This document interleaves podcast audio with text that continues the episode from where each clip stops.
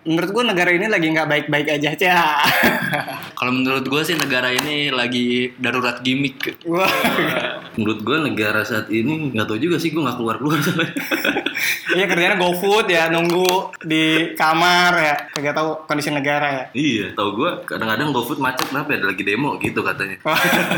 Ini setelah ada nanti kan ada intro kan. Oke ini langsung aja lah gue buka lah. Ya nanti lo edit intronya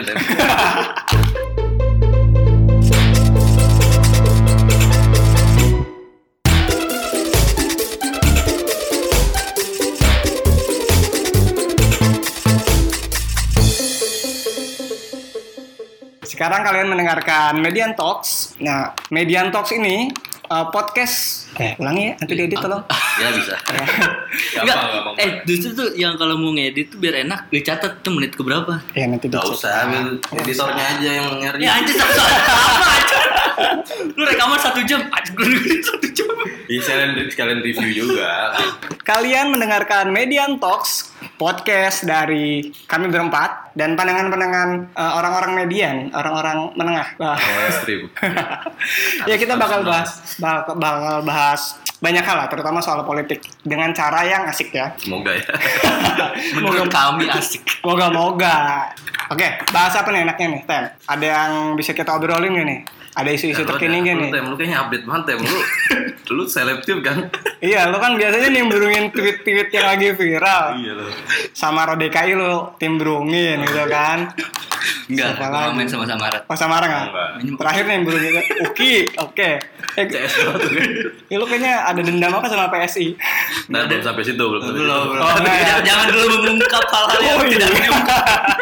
Yang kita bahas nih episode 1 nih menentukan nih Ah. keberlanjutan podcast ini. Ya, semoga isunya masih update Karena nggak tahu kapan upload Terus politik Yang terakhir kemarin kan Biar pinter kelihatannya. ya soal mungkin pengumuman staf sus Stafsus mana nih? Stafsus staf sus presiden, Presiden. yang Oh, presiden. menurut gue sih tidak khusus-khusus banget. Stafsus tidak khusus Staf khusus yang tidak khusus. Oh, kata, Oke. kata siapa tidak khusus? Wah. Iya. Nah, nanti dibahas deh. Nanti kita bahas semuanya. Presiden menunjuk tujuh staf khusus Enggak tujuh sebenarnya. Enggak tujuh. Iya cuma kesian banget yang lain gak disebut ya Iya, yang tujuh milenial. Iya, padahal ada yang tua tuh, udah mantan aktivis lah itu kan. Karena itu apa? Gimmick ya. Wah. iya. Karena dia menjual gimmick ya milenial-milenial itu lah. Karena kalau nggak milenial mungkin ya kurang menjual ya. Kurang menjual, kurang viral. Oh, Targetnya milenial Iya. Untuk gimmick saat ini targetnya Iya, kan milenial biasanya ya pengenalan staff sus ya di istana biasa aja lah, nggak usah pakai gimmick-gimmick apalah itu kayak bawa Kan ada 14 staff sus kan yang diangkat. 14 kan harus Iya, ada Iya, 4. cuma Bukan setengah. harusnya ada Bukan harus 14. Harusnya berapa aja bebas Iya. Ada 14 nih. Nah, cuma yang yang masuk itu yang tujuh seven itu ya seven wonder itu ya Iya tuh. Tujuh keajaiban dunia. Nah, tujuh keajaiban milenial Tujuh keajaiban milenial ini yang dijadikan oleh dijadikan sebagai gimmick ya, Tem. Iya. Eh, like, Darurat gimmick. darurat gimmick. Jadi lu sebagai milenial gimana seneng gak ada orang milenial masuk Enggak sih. eh lu milenial sih milenial gitu kan kita milenial, masih milenial. masih masuk lah ya masih relevan lah. serius banget anjir kata milenial. Kesel gua. Enggak sih, gue udah Gen Z ya. Iya ya kemarin ada acara masalah pemprov ya pemprov ngadain perkumpulan osis masalah Mm-mm. terus kaosnya tulisan milenial kok nggak saya saya udah Gen Z Gen Z anjing. Nah, oke, balik lagi nih. oh iya belum sus nih. Eh, apa spesialnya sih selain gimmick nih? Selain gimmick apa sih spesialnya tujuh milenial itu? Kenapa mereka di besar-besarin menurut Tem? Kenapa mereka bisa kepilih juga itu? Kalau kenapa bisa kepilih sih sebenarnya ya itu balik lagi hak prerogatif presiden. Oh iya tuh. Iya. Wah, ini. Ya sebenarnya menurut secara latar belakang sih mungkin mereka punya banyak prestasi lah ya. Oke. Eh, berarti yang lu permasalahkan orangnya apa posisinya presidennya sih. to the point tapi secara secara posisi tujuh orang itu menurut lu gimana dan orang dulu deh posisinya dulu kita bahas ini maksudnya Staff sus. ya Iya, nah sebenarnya staff susnya juga gue itu ngapain sih sebenarnya? Hmm. Itu apakah cuma buat bagi-bagi jabatan kan? Oke. Atau Siapa yang dibagi- memang Bagi-bagi kursi. bagi-bagi kursi? Ya Bagi-bagi. mungkin bukan yang duduk tapi yang duduk. Aduh. yang tidak duduk tapi memegang kendali atas yang duduk gitu. Oh. Atau memang itu ada tugas khusus. Soalnya setelah presiden mengumumkan nih, Kata lu nggak khusus. ya itu makanya kan nggak tahu nih ya. Soalnya setelah setelah mengumumkan tuh ditanya kan ada wartawan nanya nih kira-kira tugasnya apa gitu. Ya presiden bilang Tidak mereka itu khusus. tanpa ada bidang khusus, kerja barengan, terus kerja juga nggak harus setiap hari ke kantor. Nggak, Ya, maksud gue tidak seharus setiap hari ke istana. Nah. Flexible time ya. Iya, fleksibel. Startup style. Mungkin seminggu atau dua minggu sekali ke kantor, maksudnya ke istana. Team meeting Skype gitu ya. Iya, mungkin Yang penting meeting- KPI ya. Iya, Lanjut. WhatsApp dulu lah pagi kan report deh gimana Pak Presiden mungkin kayak gitu doang. Cuman kan jadinya agak susah diukur ya. Berarti job desk-nya memang belum bisa dibaca lah ya gitu ya. Secara job desk ya. Iya, mungkin Secara tupoksi karena belum. gue juga nggak tahu sih sebelum-sebelumnya tuh staff sus tuh kayak gimana gitu. Jadi Iya. kalau sotonya nanti nggak ter agak susah. Sebenarnya juga apa bedanya staff sus dengan mungkin kantor staff presiden Yang ada deputi-deputinya. yang ada KSP di bawah. bidang apa. Ya, di bawah Jelas ya. monopol. Soal uh, khusus ya, soal kerja khususnya. Jadi lo mempertanyakan uh, milenial, tujuh milenial yang diangkat sebagai staff sus ini sebenarnya ngapain? Iya, tugasnya apa? Tugasnya ngapain? Atau cuma mengangkat gimmick gitu. Kalau mengangkat Kalau menurut lu Secara gimmick berhasil nggak? ya sehari kemarin mungkin berhasil gitu. Nggak tahu nanti. Iya, nggak tahu dua dua minggu ke depan mungkin udah lupa gitu. bikin gimmick lagi. Oh iya. Ini gimmick lagi. Gimmick Enggak, ditutup maksud- gimmick. enggak, maksudnya kan tujuannya untuk menarik ini kan. Maksudnya atensi kan. Atensi milenial. Oh ini ini. Untuk periode ketiga gitu ya. Oh kerja. Kedeketan empat. Kalau tiga udah terjamin ya. Seumur hidup lah. Iya. Jauhan, jauhan, jauhan. Oke oke. Nah, dengan ini juga melibatkan langsung milenial ke Dalam istana. politik. Iya, Ke dalam istana, Dalam ini istana. politik lagi. Ini beneran nih langsung ke dalam istana nih. Iya, tanpa bikin partai bisa ikut. Sudah ku bilang kan gak usah dikit-dikit partai. Jadi anak apa-apa kan orang ini. Jadi anak Khairul Tanjung Passionnya aja. beda-beda. Iya, Passion. enggak, semua jadi anak orang besar, jadi anak orang besar aja. orang punya jalan ninja masing-masing. Ada yang bisa jadi bikin partai dulu baru. Ada yang suka bikin jaket rame-rame kan, ya bikin partai lah masa. Iya. Mungkin mereka memang butuh masa. Ah, Oke. Jadi menurut lo perlu Cara- bikin partai apa? Ada hal lain yang membuat orang bisa masuk istana? Kalau melihat kayak gini sih sebenarnya berarti politik itu udah lebih lebih kekinian aja mungkin ya karena me- kalau dilihat beberapa profil milenial itu kan banyak yang dari CEO CEO startup yang Wah, sekarang kita bahas orangnya nih. ya. Mungkin ada yang belum tahu nih ya. Gue bacain ya Oh, profilnya iya. nih ya. Gue juga belum tahu. gue juga taunya cuma dua sih yang jadi Oke, CEO. gue baca ya. Harian koran Tempo nih. Wih, terpercaya tuh. Akurat ini. Akurat ya? Wah, akurat. A1. Oke, gue mulai dari yang mau yang dari tertua apa termuda nih? Yang tertua ya. Oke. Yang tertua ini Ayu Kartika Dewi, usianya 36 tahun. Masih milenial deh. Masih milenial, 36 Ya, tahun. karena milenial ya tadi batasnya tuh nggak Ya. terlihat dengan jelas. Ayu, Ayu Kartika Dewi ini eh, inisiator Sabang Merauke Gerakan Toleransi. Mhm. Dia juga managing director di Indica Foundation. Indica Energy bro. Hmm. Ya, Indika itu ya. afiliasinya sama siapa ya? nanti ya kalian googling sendiri. Tapi dia juga emang lulusan UNER, Universitas Erlangga, dan dari Duke University. Oke, lanjut. Eh tunggu tunggu dia memang nggak disebutin tugasnya apa gimana? Apa memang ada sih secara tersirat gitu? Apa enggak memang memang kerja kelompok? ya karena Ya kerja kelompok. Iya. Eh, ada yang kerja cuma barengan, Iya, ada kerja yang bersama. ada yang bikin slide doang gitu. kan. Co-working gitu ya. Ada yang cuma jadi asisten sholat itu. Sistem suara. Oke, nomor 6 itu yang ketua yang tertua kedua nih, Aminuddin Ma'ruf. Wah, namanya sangat islami nih, Ma'ruf. Ada hubungannya nggak sama wapres? Nggak ada, Oh, nggak nggak ada. Kayaknya sih nggak ada.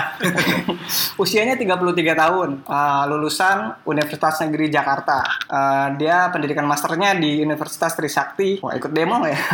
Trisakti nih. Ketua Umum PB PMII. Nah, dia juga sekjen dari Samawa. Apa tuh? Sakinah Samawa itu apa ya? Ya pokoknya perhimpunan ulama Hmm? Jokowi ya. Samawi, Samawi. Samawi. Iya, Satuan Ulama Ulama Jokowi, Jokowi. ya kalau nggak salah ya. Ternyata Jokowi didukung ulama juga ya. Oh. Saya kira anti ulama. Iya. Wah, itu.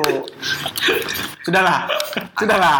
Kita bahas anak-anak muda ini loh. Oh, tujuh, iya. tujuh Iya. keajaiban milenial. Iya. Yang kelima, Andi Taufan Garuda Putra. Usianya Bacanya kayak on the spot gitu deh. versi ini mungkin ya. Calon sarjana. Calon sarjana. Hai, posisi nomor 7, eh posisi nomor 5 adalah Andi Taufan Garuda Putra. Lo tau gak sih, Andi Taufan Putra eh, berusia 32 tahun, 9 bulan, 29 hari. Hari ini nih, tanggal 22 November. Berapa? 30 32 tahun. 32. Beda tipis lah sama Apa siapa? dia itunya backgroundnya apa? Eh, Dia founder dan CEO Amarta. Oh, Amarta. Oke, konsultan bisnis IBM. BM. Oke, lulusan bro Harvard Kennedy School. Wah, S1-nya di ITB. ITB. ITB Institut Teknologi Bandung. Oke, berikutnya tertua keempat Angki Yudhistia, usianya 32 tahun, terus 5 bulan 17 hari. Lengkap kan lo, denger, makanya dengerin podcast ini lah. Datanya tuh akurat. Oh, iya. Oh, iya. Tapi cuma ada tetangga. sisanya enggak, Jadi sisanya usahakan. enggak. Kan usahakan lah. Misalkan. Dia sama ternyata dia pen- dia tenaga pemasaran IBM Indonesia. IBM apa sih? Eh, IBM. IBM, IBM. Maklum, lidah bojong. Kira mungkin ada apa Mungkin gitu. satu kantor dulunya. Tahu deh ya. Nggak ada di sini di sekarang, datanya. sekarang satu kantor. Sekarang satu kantor. Dia juga founder dan CEO Disable Enterprise. Nah, Oh, dia emang disabilitas aktif. ya. Nah, kayak cuman ini deh yang sepertinya ada pas di interview pertama tuh ada sesuatu yang dibawa. Hmm, mewakili. Mewakili disabilitas 22 juta kaum disabilitas. Dan- Nah, itu kan jelas ya. Nanti kita bahas satu-satu. Oke, oke. Karena orang kaya juga Mewakili. diwakili. Tapi kan status apakah harus mewakili? Nggak juga. kan? Setidaknya khusus untuk disabilitas mungkin. Oh bisa juga bagus bagus.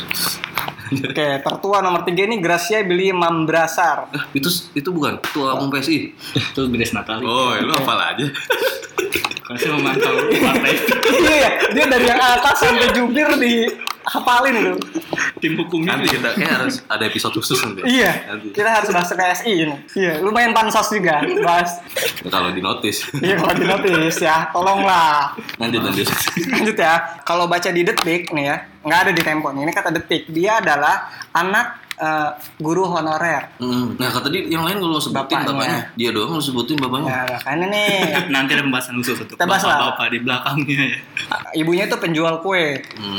Dia juga ini nih aktif di founder dan CEO Kitong Bisa. Kitong Bisa apa deh? Nanti kita googling deh. Temennya kita bisa Iya. Kita bahasa daerah masa. Ya bahasa Timur ya, karena dia juga emang dari Indonesia Timur gitu, mewakili. Kayak tertua, eh termuda nih ya, termuda nomor dua nih, Adamas Belsa Belva. Belva Adamas Belva Syah Devara, usianya 29 tahun, 5 bulan, 23 hari pada hari ini. Cukup familiar tuh nama itu. ya. Iya ini kayaknya sempat ngehits nih di kalangan startup terutama. Tahu nggak? Dia itu pendiri dan CEO Ruang Guru. Temennya si ini ya, Ivan lagi. Eh siapa? Si Gue gue inget muka. CEO Ruang Guru? Taunya Dilan. Kok? Oh iya, dia, dia bukan itu. CEO-nya, dia yang brand ambasadornya cuy. Ya Iman juga lah, Iman Ruang Guru ya. itu ya. bener. Maaf ya Pak Iman. Oke, yang ini yang paling muda nih dan banyak diperbincangkan nih. Putri Indahsari Tanjung, lahir 22 September Tuh. 1996 di Baru- Jakarta. baru ulang Usianya tahun ya? dua sebulan lalu nih, ulang tahun nih. Yang ke ulang tahun yang ke Yang ke 29. 29. Eh 29. Gimana sih nih gue ngitungnya? 23. 23. Oh, jauh banget tuh kicknya ya dari 29. Jangan data yang tadi juga pada salah. Tidak ada yang bisa percaya sepertinya. Berarti dia tuh batas akhir milenial tuh dia. Ya nggak sih? Sebelum Gen Z 95 kalau nggak salah. 95. Berarti itu udah Gen Z sebenarnya. Enggak, dia milenial, 96 tuh milenial. Karirnya ya, kita mundur ya. Eh, dia 2011 sampai sekarang adalah pendiri Creative Partner Event Creator dan juga punya jabatan di Kreavi ya, kalau nggak salah ya. Kreatif. Kreavi. Kemudian prestasinya adalah menjadi anak Khairul Tanjung. Waduh. Waduh. Eh, ini prestasi itu bukan nih? Menurut lo gimana? Itu disebutin tuh di koran. Di jalan nggak ada.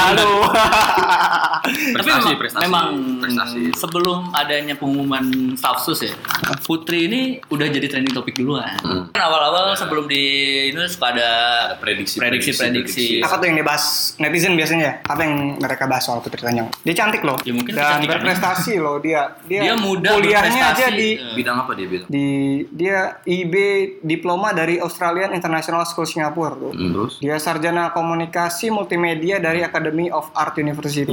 Iya. Ya, memang berprestasi. Secara pendidikan juga oke. Jadi apa yang dibahas netizen itu? Oh iya netizen kenapa ya?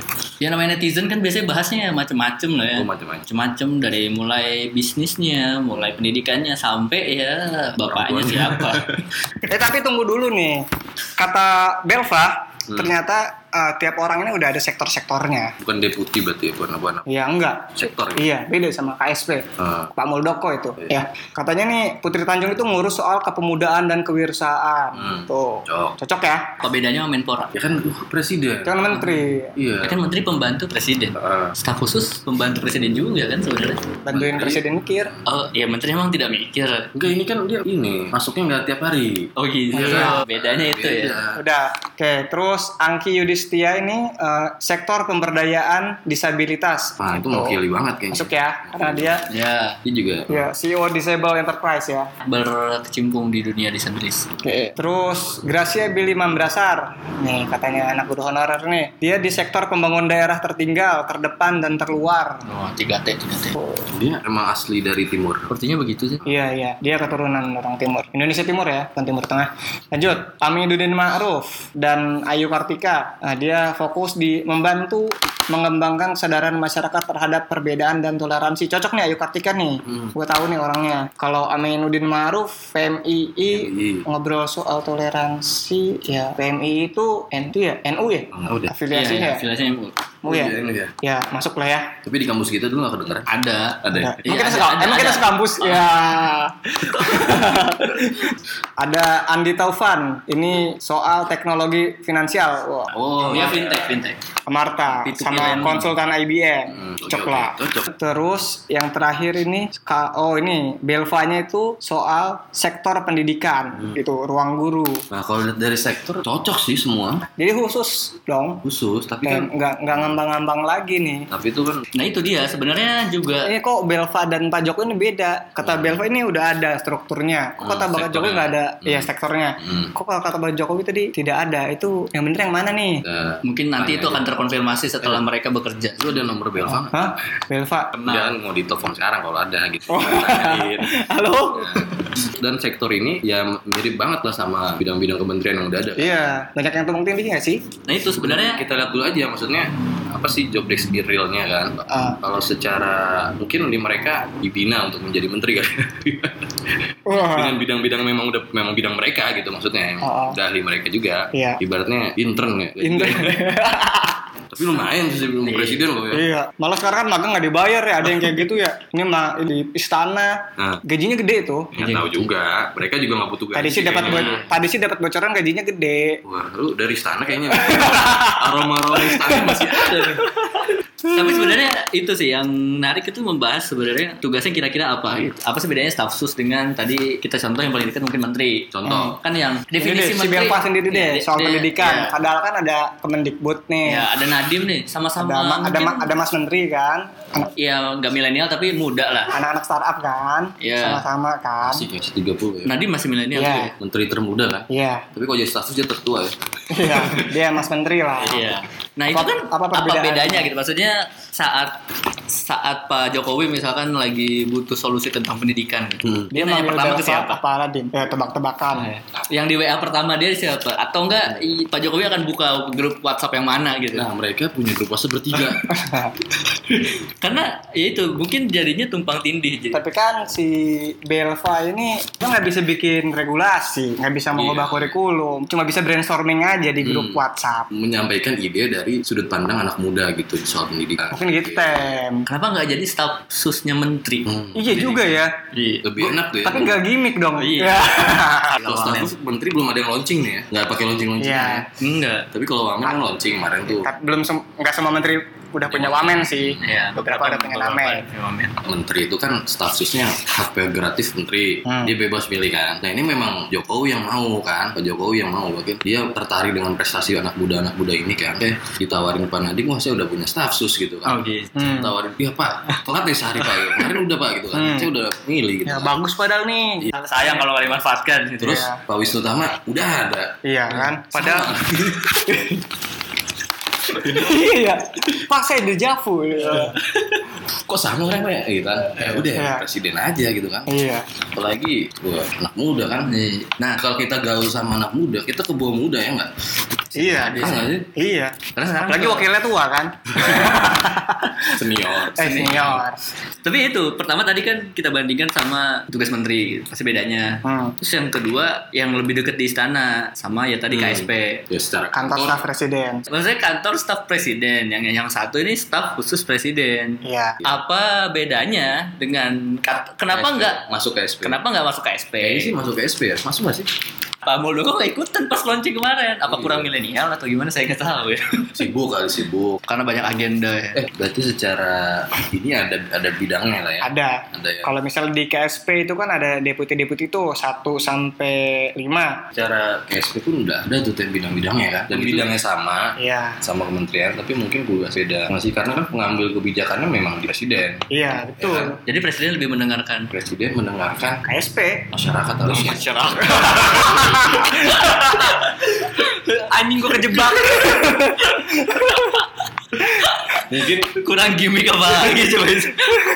Apa yang membedakan gitu? Apa yang membuat Pak Jokowi melihat tujuh orang ini? Menurut lo apa, Ten? Ya tadi gue nanya kan. ya, jawab dong. Kan gue tugasnya nanya di sini. satu mereka milenial Iya. Balik lagi Iya, satu. Nah. Kedua, berprestasi. oh bisa juga Prestasi kan? Hmm. Dari Tahu proses itu. pemilihannya nih, Pak Jokowi ini mengaku bahwa proses pemilihannya itu tidak mendadak. Jadi ini sudah dipilih dari jauh-jauh hari. Cuman bagaimana alasannya ternyata Pak Jokowi tidak mau mengungkapkan. Iya. Beliau le- menyarankan wartawan untuk menanyakan kepada staf susnya sendiri. Hmm. Nah, ini kita bayangin aja deh. Ini kan menterinya eh menteri statusnya milenial. Berarti tim yang dibentuk Pak Jokowi untuk mencari staff ini harus pakai gaya milenial dong buat kepo-keponya ya. Iya. Buat stalking siapa aja nih statusnya. Terus dilihat apanya nih kan patokannya. Ya, Atau nanya-nanya ke teman-temannya, eh lo punya anak nggak? Wah, enggak dong, jangan gitu. Hah? Kayak gini, gimana? cariin gue milenial dong, lu punya rekomendasi enggak? Nah. Betulan nih. Gitu. Ada nih di Ada nih. rumah. Di rumah. Mungkin begitu kan saya juga nggak tahu ya.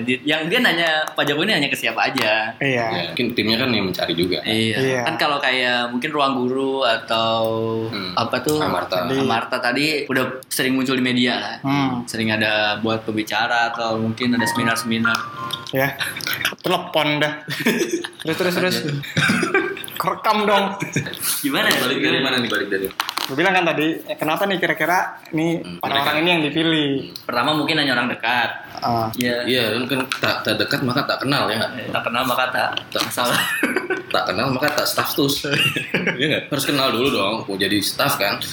Mungkin kalau jokes-jokes zaman sekarang kan Hmm. kalau ada orang masuk dengan tiba-tiba atau nggak tahu nih kenapa kira-kira biasanya kan ada pengaruh orang dalam. betul. Mungkin dia nanya ke temennya atau ke orang dekatnya. Minta rekomendasi. Iya, eh, kira-kira ada milenial gak nih? Tapi menurut tuh privilege bukan? Privilege mereka direkomendasikan orang oleh orang dalam gitu ya. Ya iyalah. Ya berbicara privilege ya emang itu sih salah satu privilege sebenarnya. Jadi kita ngomongin privilege aja.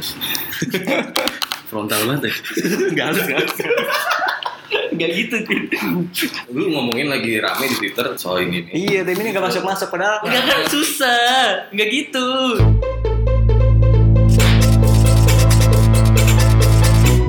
Nah, kita kan udah bahas nih bidang-bidangnya. Nah, sekarang kita masuk nih ke pembicaraan berikutnya nih. Kenapa orang-orang itu yang dipilih? Satu milenial. Dua. Dua, apa? Punya prestasi. Nah, Punya prestasi. tiga. Nah ini harus. Tiga, ini kayaknya faktor yang tidak dimiliki banyak orang menurut gue. Hmm, kenapa ya? Kok bisa ya? Sih, pura-pura nanya. Iya. Ya mungkin ya mereka pasti dapat rekomendasi kan. Rekomendasi dari eh, ya internal kepresidenan lah ya mungkin. Iya, ya. lingkaran presiden. Iya. Berarti itu kalau lingkaran presiden berarti sebuah privilege kan? Iya sih, ya kan? Ya menurut gue, ya itu salah satu privilege sih harusnya. Mereka Ya entah dari afiliasi mana, afiliasi bisnis, misalnya- afiliasi keluarga. Putri Tanjung kan usianya berapa tadi? 23. Iya. Udah jadi staf sus. Jadi staf sus. Lu usia lo berapa, Ten? Dua tiga juga. jadi apa, Ten? Jadi udah korporat. Jadi budak korporat. Itu berarti lo punya X faktor yang Nah. tidak eh lo nggak punya X faktor yang dimiliki oleh uh, Putri Tanjung. Tanjung. Lo sepakat nggak dan itu? Ya iya, pasti Menurut lo dia karena orang-orang terpilih punya privilege kan. Mereka Ah. bisa terpilih. Mm-mm. berarti murni hanya karena privilege menurut lo. kan? Bukan, bukan. Iya. Gimana, gimana? Gimana? Gini kalau menurut gue sih kita ngomong ya secara umum aja lah di Indonesia. Ini semua orang menurut gue ya semua orang yang eh, punya jabatan atau punya posisi itu hampir pasti itu dia punya privilege. Punya jabatan, punya privilege apa? Punya privilege jadi jabatan. Dia jadi jabatan karena punya privilege. Oh, berarti punya privilege jadi jabatan. Iya. Hmm. Ya entah privilege-nya itu apa gitu kan itu bisa didefinisikan lebih lanjut ya. Yang, Hmm. yang pasti Entah memang dari segi ekonomi, Iya. entah dari segi ekonomi, didominasi, didominasi sih ekonomi. Kemudian ekonomi. Karena semua berawal dari ekonomi baru ke politik atau ke ke hukum atau apa. ya gue jadi ingat uh, tapi nggak juga. Pengaruh lah. Soalnya ada nih Masih banyak privilege-privilege lainnya yang mempengaruhi. jabatan, jabatan mempengaruhi ekonomi. Untuk mendapatkan jabatan kan harus punya ekonomi, dulu. Nah, ada nih riset dari Semeru Research Institute soal katanya yang miskin anak miskin itu bakal tetap miskin Mm-mm. di masa depan, sedangkan yang kaya itu berpeluang lebih mudah jadi orang kaya di masa depannya. Ini benar. Bener gak Ten? Menurut gue sih Menurut lo kalau Putri Tanjung dilahirkan dari di rahim yang berbeda gitu, misalnya lahir di Dari sama aja ya kalau dari Haritano ya dia jadi wamen. Beda tipis. Milih aja jadi wamen atau stafsus ya gitu lah kan. Ya, lahir dari uh, anak uh, driver ojek online gitu. Apakah dia bisa Enggak jadi? kan waktu dia lahir belum ada ojek online. Oh iya, anjing salah lagi gua. Ya ibaratnya enggak bukan. Iya, bukan yang nggak bisnis punya ya, lah, bukan bisnis. bukan pebisnis Mungkin besar lah. menengah aja biasa. Menurut lo bisa nggak tanpa Menurut- tanpa gini, itu? Kalau dengan iya. dengan usaha atau apa yang dilakukan Putri Tanjung selama hidupnya gitu, Hmm. dengan usaha yang sama gitu ya, dengan yang dilakukannya sama, jika dia dilahirkan dari rahim yang berbeda, menurut gue dia akan punya posisi yang berbeda hari ini, nggak akan jadi stafsus gitu. Ya, tapi menurut gue dia akan tetap menonjol di kalangan menengah juga. Tapi hasilnya nggak jadi staff sus. Iya. mungkin dia mungkin dia berprestasi gitu mungkin dia punya kecerdasan atau apa tapi tapi ya itu dia tidak punya privilege menurut gue tidak punya pre- tidak punya privilege ya dia tidak, tidak, ada privilege memang kalau Menurut kesempatan lo. kesempatan tuh ada sama Oh, kesempatan sama. oke. hasilnya yang beda Hasilnya. iya Padahal kerja kerasnya sama. padahal kerja kerasnya sama Kenapa? ya karena ada faktor tadi yang dinamakan privilege. menurut gua Hmm, ya memang gitulah rumus kehidupan kan. Wah, Tapi menurut gua privilege juga bukan sesuatu yang di kita apa ya gini penentu. ya penentu memang penentu Iya. tapi bukan sesuatu yang perlu kita pertanyakan gitu karena dia mendapat hasil itu kan privilege plus usaha kan kalau dia punya Iya. privilege doang nggak punya usaha ya nggak ada hasilnya gitu Iya, misalnya gua anak anak sultan gitu ya. Iya. Tapi gua gelar bahan aja gitu. tetap lu jadi staff sus deh bisa sih ya. bisa sih Bisa. bisa bisa Bisa ya? bisa berarti ada usaha WhatsApp siapa gitu kan Iya, tetap di rebahan itu lu banyak banyak bisa ber. Berarti nggak usah usaha dong, yang penting privilege aja. Enggak gini gini. Mungkin mungkin pri- privilege itu ya jadi faktor yang lebih dominan gitu. Jadi dengan kan tadi eh, asumsinya itu usahanya sama nih, tapi dia mendapatkan hasil yang berbeda. Karena yang satu punya privilege, yang satu enggak. Itu kan. kalau usaha mungkin nggak sama ya buat kalau uh, ya kan Ya ini kan diasumsikan tadi Hmm. semuanya sama gitu. gayanya ya F-nya F-nya ya dorongannya sama. Dia energinya tuh sama gitu. Bangun jam pokoknya jam hidupnya tuh sama lah istilahnya. Tapi kan karena dia tidak punya privilege, bisa jadi dia tidak mendapatkan hasil yang sama dengan orang yang punya privilege. Tapi ada yang bilang katanya percuma kalau lo punya privilege ya kan, Hmm. tapi uh, lo nggak usaha gitu. Hmm. Jadi sebenarnya usaha itu faktor utamanya bukan privilege-nya. Muter lagi nggak sih? ya faktor utama dua-duanya faktor tapi siapa yang utama ya Kalau menurut gue sih yang utama ya usaha. hmm. Privilege itu ya entah Hanya pengali, pengali. atau Kuadratnya. kuadrat atau pemangkatan gitulah. Jadi dia yang menjadikan usaha itu tuh bisa lebih Mulus. menghasilkan gitu ya. Lebih mulus. lebih mulus kan usaha misalkan tadi Pangkat. formulanya kan bisa usaha kali privilege sama dengan hasil Mm. atau mungkin tadi usaha pangkat privilege sama dengan hasil kalau usaha doang tanpa privilege kan usaha belum tentu Kali nol. kali Enggak nol. juga ya? enggak usaha doang Hmm. mungkin dia hasilnya bakal beda tapi saat punya privilege itu kan dia usahanya seperti dikalikan berkali-kali lipat usahanya let's say kita kuantifikasi lah usahanya itu 100 gitu Oh. Nah, saat si pre- punya privilege, dia 100 dikali privilege itu udah jadi 1000. Heeh. Karena dia ibaratnya privilege itu Ya langsung tuh ya 10 kalinya usaha dia jadi saat dia usahanya cuma 100 dia langsung dapat stafsus. Nah kalau yang tadi dia usahanya sama-sama 100 nih. Nah. Cuman untuk dapat 1000 kan dia harus 10 kali usaha. Kan ada waktu berarti Nah, kan. iya. Mm-mm. Ada yang satu Iya. usahanya hanya setahun, yang satu Mm-mm. berapa tahun 10 10 tahun atau apa. Makanya Iya. tadi mungkin dua kali lipatnya misalkan. Berapa tuh 46. Tadi kan yang lain-lain juga jauh sih jaraknya. Paling Iya. ada 29. Iya. Iya. Atau 30-an. Kayak mungkin kayak siapa tuh? Fajrul. Fajrul tau gak? Ya. Fajrul itu udah jadi aktivis dari zaman Nah, Iya. reformasi kan? dia umur 23. Nah, umur 23 ya dia demo di Iya, belum jadi. Iya, Putri Tanjung udah jadi staff sus. Nah, dia masih demo tuh waktu itu. Dia ya Aktivis tuh ya. Aktivis. Sekarang dia usianya udah 55 nih Tuh. Fajrul. Tapi ke- hasilnya terjadi juga ya. Tapi tetap Tadi. jadi staff sus kan. Nunggu Jokowi dulu sih.